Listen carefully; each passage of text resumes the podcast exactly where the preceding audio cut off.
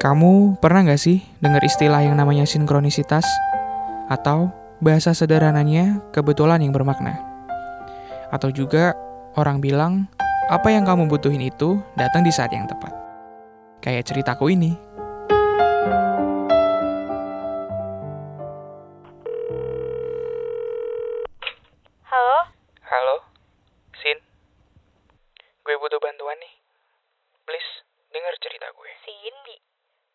Gue Jenny, Mas.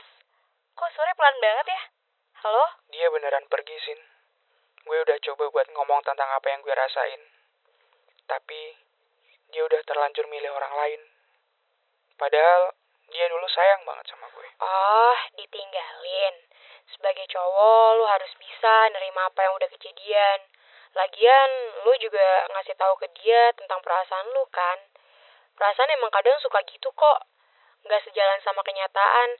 Tapi nanti bakal ada kebetulan yang datang tepat ke lo. Tumben lo bisa ngomong gitu, Sin. Biasanya cuma iya-iya aja. Mas tadi nggak denger ya? Gue Jenny.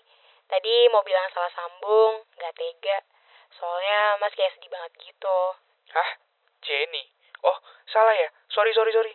Gue kira Cindy. Salah sambung ternyata. ya nggak apa-apa kok. Lagian gue jarang denger cowok sampai sesedih itu. Sekarang udah legaan. Eh, iya lumayan. Sorry banget ya. Makasih juga udah mau dengerin. Gue Joni.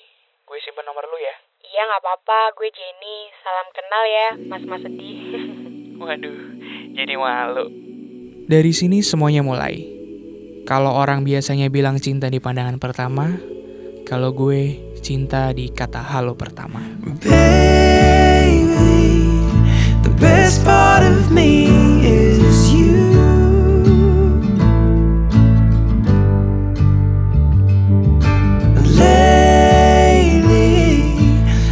everything's making sense